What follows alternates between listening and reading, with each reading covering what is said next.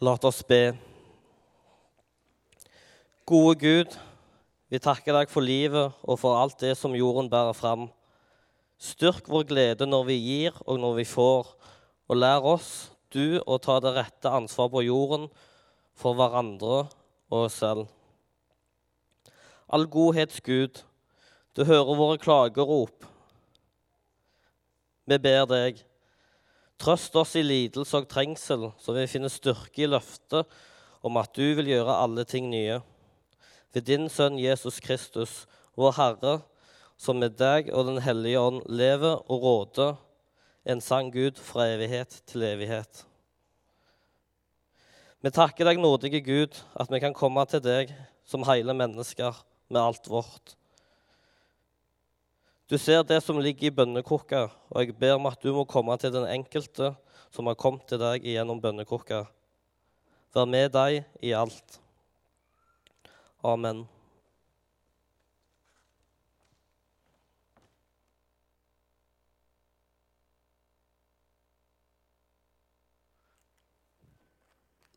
Jeg vil også si hjertelig velkommen til gudstjeneste. Det er fint å samles. Og en god del er samlet på Solbukta på Viken, som dere kjenner til. Skal vi fortsette å be sammen? Herre Jesus Kristus, vi takker deg fordi at du er til stede her med, ditt, eh, med din Hellige Ånd, og du vil møte hver enkelt en av oss. Og Nå ber jeg deg, Jesus, om at du må gi meg det jeg trenger. Og du må gjøre det slik at eh, ordet blir forklart for våre hjerter. Jeg ber om dette i ditt navn. Amen.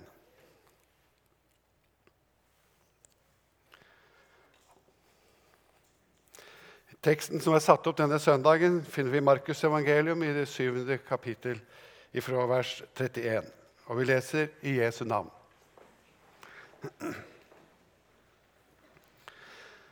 Siden forlot han Tyrus-området igjen. Han tok veien om Sidon og dro mot Galileasjøen gjennom Dekapolis-landet. De førte til ham en mann som var døv og hadde vondt for å tale, og de ba ham legge hendene på ham. Jesus tok ham med seg bort fra mengden. Han stakk fingrene i ørene hans, tok spytt og berørte tungen hans. Så løftet han blikket mot himmelen, sukket og sa til ham, Efata, det betyr, lukk deg opp. Straks ble ørene hans åpnet, båndet som bandt tungen hans, ble løst, og han snakket rent. Jesus forbød dem å fortelle dette til noen. Men jo mer han forbød det, dess mer gjorde de det kjent. Folk var overveldet og forundret og sa, 'Alt han har gjort, er godt.' Han får døve til å høre og stumme til å tale. Slik lyder Herrens ord.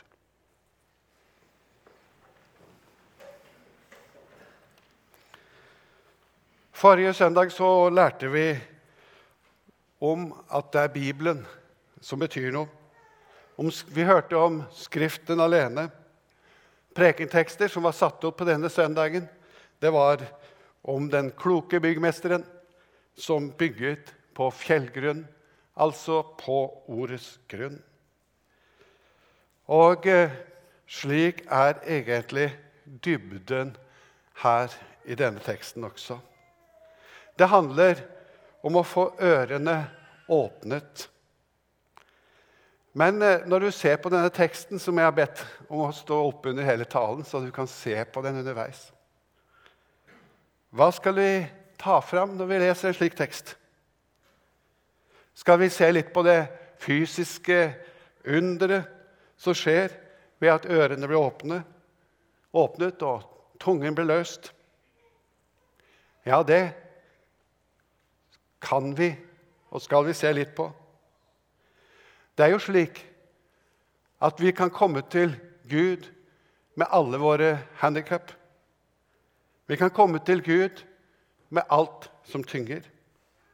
Og her i denne forsamlingen så praktiserer vi også det som står i Jakobs brev, at vi salver og ber for syke.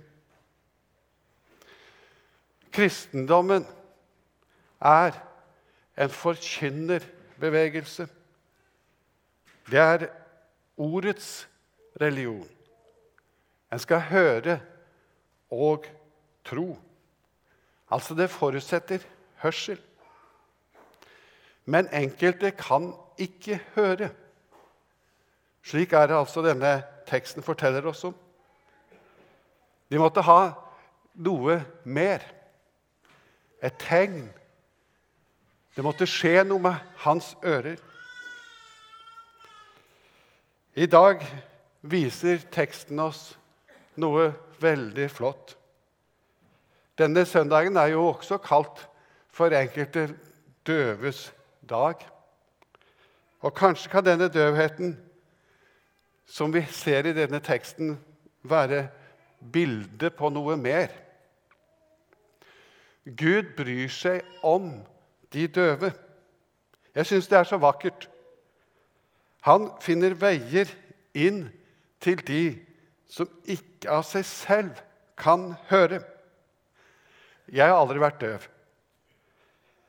Men jeg kan tenke at det er et ganske tungt handikap. Og det som eh, kan også føre til, sånn som i dette tilfellet, at en mister taleevnen òg. Det må være slitsomt. Men selv om jeg aldri har hatt dette handikappet, så er jeg avhengig, likeledes som du og alle andre, av en berøring fra Jesus for i hele tatt å kunne høre på rett vis. Og for å kunne få en løst tunge. Og teksten er en illustrasjon på nettopp dette. At vi trenger alle en berøring av Jesus for både å få en løst tunge og for å kunne høre hans stemme på rett vis. Men er det det som er hovedsaken i teksten? Det er iallfall et viktig poeng. Men jeg tror det er noe som Jesus vil si oss noe enda mer, eller denne forteller oss litt mer enn dette. Og jeg har merket, hvis det er på tavla her, ja, med gul farge, det som kan være en slags nøkkel, en slags hjelp til å forstå budskapet i teksten. Alt han har gjort, står i slutten av teksten, er godt. Alt Jesus har gjort, er godt. Han får døve til å høre og stumme til å tale. Er ikke dette her litt sånn, akkurat som et litt kort referat fra noe vi har hørt før?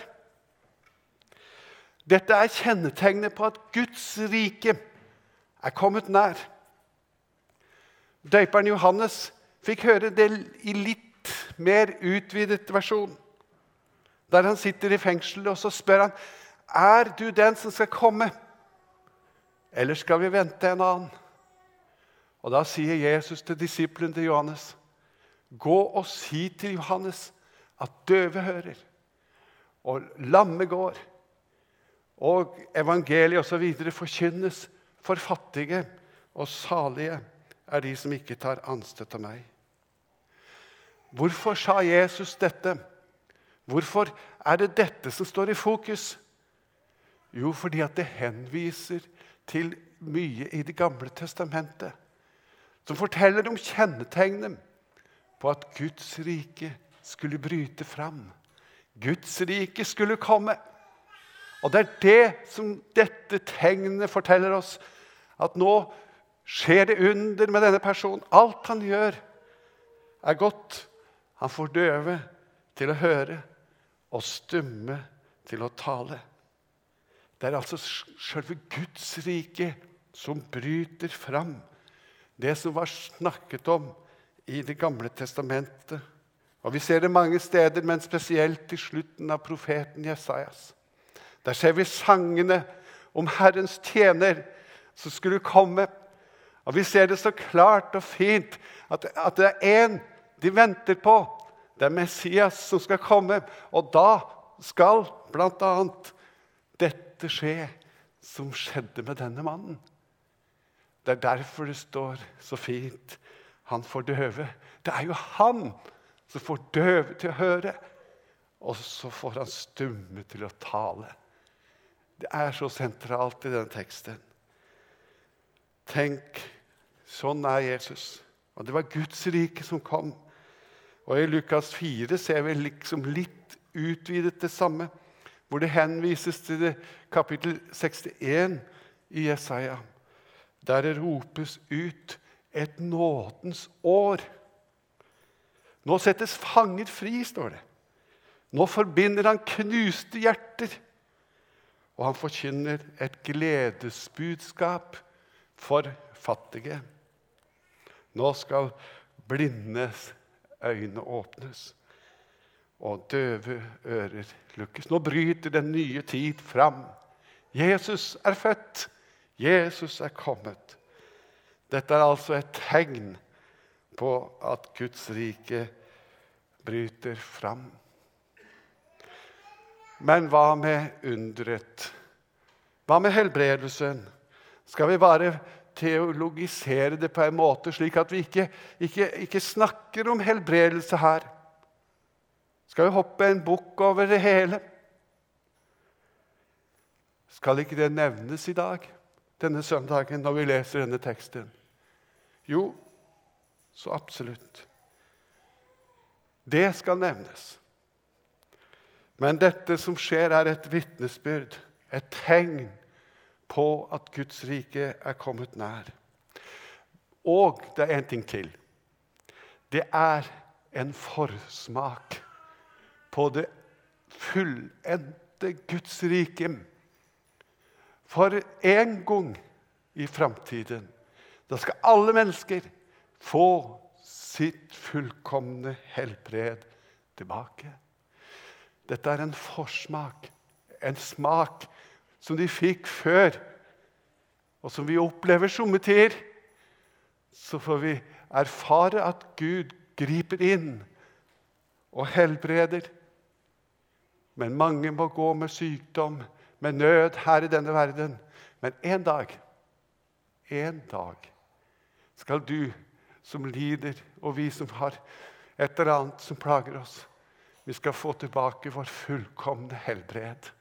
Da har dette Guds rike, som allerede er her, no, her og nå Da har det blitt synliggjort, fullkommengjort, legemliggjort. Og vi ser det alle sammen og erfarer det fullt og helt. Det er fantastisk. Du skal være frimodig og be om helbredelse for dine sykdommer. Og enkelte ganger så vet vi at Gud gir deg denne forsmak. Men fortvil ikke om svaret er ja, men du må vente. Fortvil ikke om det kommer liksom Datoen for svaret ligger litt lenger fram i tid. Hvor er Guds rike nå i dag? Hvor er det egentlig? Ser vi det? Jeg tror vi kan si det ut fra denne teksten og andre steder i Bibelen. Guds rike er der hvor Jesus er. Der hvor Jesus er. Da kan det være i en liten stue hvor to eller tre er samlet i Jesu navn. Der er Jesus midt iblant dem. Guds rike er der. Men du ser jo bare disse enkle kår. Du ser ikke noe prakt. Du ser ikke noen mektige ting. Nei, men Guds rike er der, i den lille gruppen som samles i Jesu navn. Der hvor Jesus er, der er Guds rike. Han er i ditt hjerte. Guds rike er i ditt hjerte. Der er han. Og han er, Guds rike er også hos gamle og syke.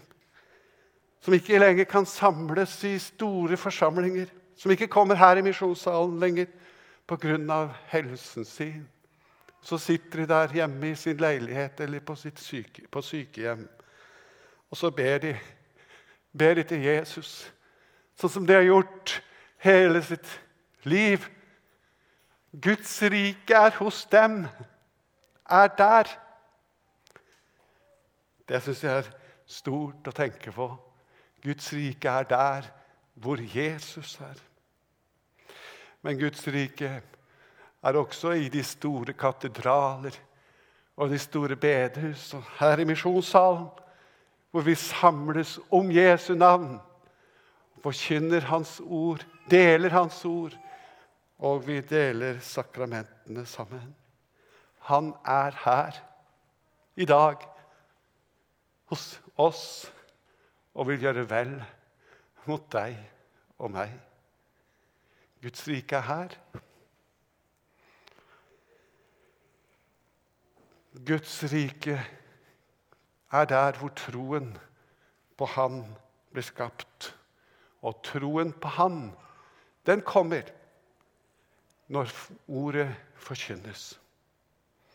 Som det står i Romerbrevet kapittel 10.: Hver den som påkaller Herrens navn, skal bli frelst. Men hvordan, står det, skal de påkalle en de ikke tror på? Og hvordan skal de kunne tro der hvor det ikke er forkynt, eller når det ikke er hørt? Og hvordan kan de høre uten at det er noen som forkynner? Men en ting må jeg understreke denne søndagen, som jeg syns er ganske viktig nå i vår tid å si. Det er ikke nok at du hører bare med dine fysiske ører. Du er avhengig på like linje med denne mannen av et høreunder. Og det er vi alle sammen. Vi er avhengig av et høreunder for at våre åndelige ører skal bli opplatt. Og det setter oss alle sammen på lik linje. Helt på bar bakke, alle sammen. Her er det ikke fattig. Og Det er så fantastisk med Guds rike. Det fins ikke noe mer rettferdig rike. Her er det ingen som har fortrinn. Her er det ikke fattig. Her er det ikke rik. Her er det ikke lærd eller ulærd, kvinne eller mann. Alle står ved likt. Vi er alle like åndelig døve, og alle er avhengig av et åndelig høreunder. Men så ga Gud på pinsefestens dag Den hellige ånd, slik at hver enkelt en, trell som fri, skulle få oppleve at der hvor ordet kommer, så skapes troen, og Guds rike bryter fram som aldri før. Dette er ingenting som kan måle seg med Guds rike. Men vi trenger som sagt alle sammen et høreunder for å forstå dybden i evangeliet. Det vil si, du trenger et høreunder for å skjønne at det som skjedde på Golgata kors, det var for meg han døde. Det var for min skyld han hang der. Det var for mine synder. Det var for min historie. Jeg kjenner litt av min historie. Jeg kjenner ikke alle mine brudd, men jeg kjenner en del. Og så vet jeg at det alt sammen ble lagt opp på korset. Og der døde Jesus for meg. Og så skapes det håp, tro og glede. Og enkelte ganger en løs tunge. Et vitnesbyrd av glede over Han er jo frelseren min. Dette er et under. Det er vekkelsens under som der skjer. Og så står vi altså helt like, slik at selv ikke dåren skal fare vill.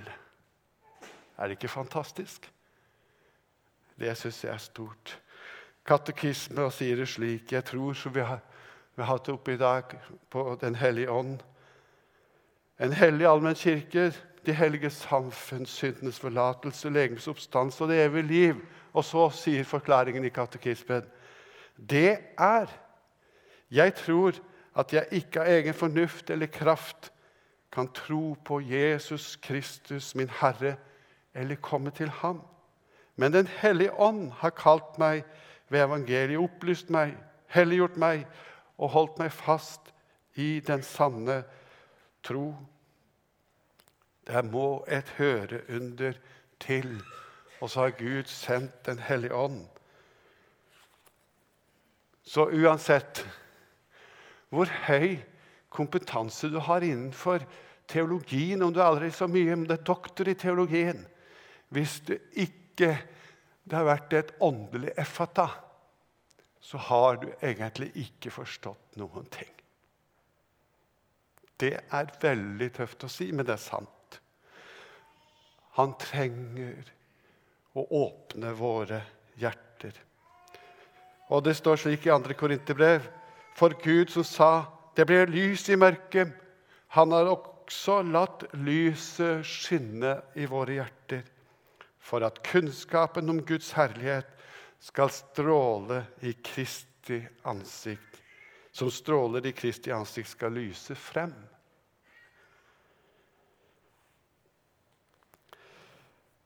Denne teksten har noe annet også som vi skal merke oss. Vanligvis så forkynner Jesus. Han bruker ordets nådemiddel. Men i dette tilfellet så kom han ikke gjennom pga. en hørselsskade. Jeg syns altså det er helt fantastisk å se at Gud helbreder hørselen og gjør han i stand til å høre. Og vår hørselsskade, den må også helbredes på samme måte. Dette var, som jeg nevnt, noe som Gud vil gjøre. Og eh, på pinsefestens dag, som jeg henviste til, så var det Den hellige ånd som gjorde at enhver hørte budskapet på sitt språk, sitt eget morsmål. Jeg husker debatten som vi hadde for mange mange år siden på fjellet. når jeg gikk der. Var det et språkunder eller var det et hørunder? Det diskuterte vi. Mange ganger kan man diskutere uvesentlige ting. Og spesielt i sånne perioder. Men var det et språkunder eller var det et hørunder? Kanskje det var det samme får være det samme. Svaret er ikke så viktig. Det som er viktig, er at Gud gjorde et under, slik at det kom, ordet kom inn i hjertet og skapte tro. Hvis du leser litt tidligere i Markus evangelium i kapittel 5, så ser dere at Jesus har vært inne i dette området tidligere, Dekapolis-området. Da var det, en, det var noen som ble helbredet. Det er et sånt hedensk område. Og han var jaga derifra, Jesus. Eller fikk beskjed om, han ble sterkt anmodet om å gå derifra. Fordi at det ble så store omkostninger. Når han helbredet besatte, så, så, så fikk de besatte de åndene inn i en grisegjeng. Og de gikk rett i vannet.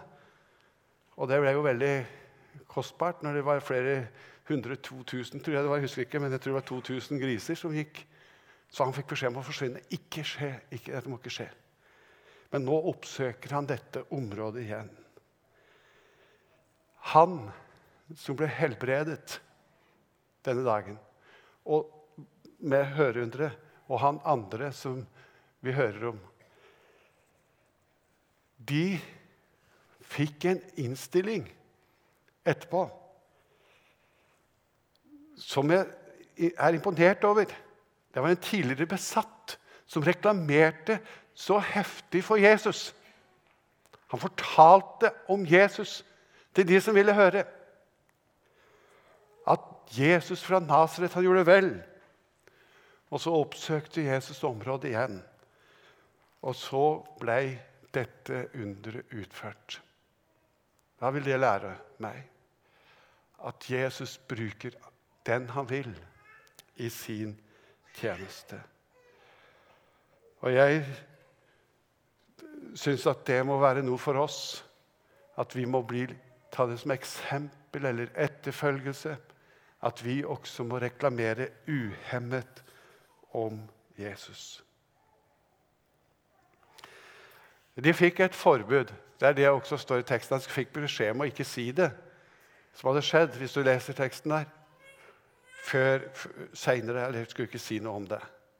Og det er mange som har spekulert i hva betyr det At de ikke skulle si noe om dette. Og det er nok kanskje For dette var også en form for forsmak på misjonens tid. Det skulle starte først på pinsedag. Men Jesus han måtte inn og møte og undervise at også disse mennesker hørte med til Guds rike. Og Jeg skulle ønske at vi alle sammen måtte bli fylt med Jesus på en slik måte at vi ikke kunne tie om Han.